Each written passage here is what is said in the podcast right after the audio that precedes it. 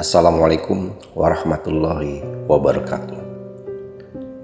Allah memuji orang yang bersabar atas kemiskinannya, tidak meminta-minta, walau dia boleh meminta apabila terpaksa.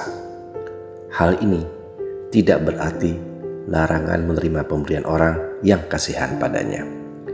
Dari Qobisah bin Mukhariq al-Hilali bahwa Rasulullah Shallallahu Alaihi Wasallam bersabda, Wahai Qobisah, sesungguhnya meminta-minta itu tidak halal kecuali bagi salah satu dari tiga orang.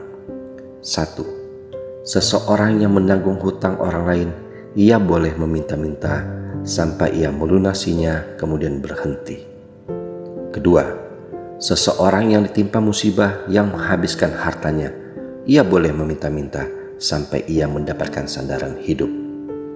Ketiga, seseorang yang ditimpa kesengsaraan hidup sehingga ada tiga orang yang berakal dari kaumnya mengatakan, si fulan telah ditimpa kesengsaraan hidup, ia boleh meminta-minta sampai mendapatkan sandaran hidup. Meminta-minta selain untuk ketiga hal itu wahai Qobisah, adalah haram. Dan orang yang memakannya adalah memakan yang haram. Hadis ini diriwayatkan oleh Muslim, Abu Daud, Ahmad, dan An-Nasyai.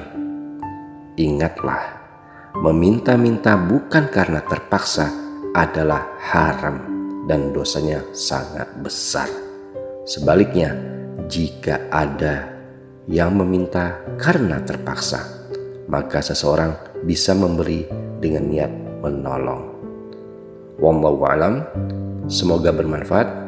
Wabillahi taufiq wal hidayah. Wassalamualaikum warahmatullahi wabarakatuh.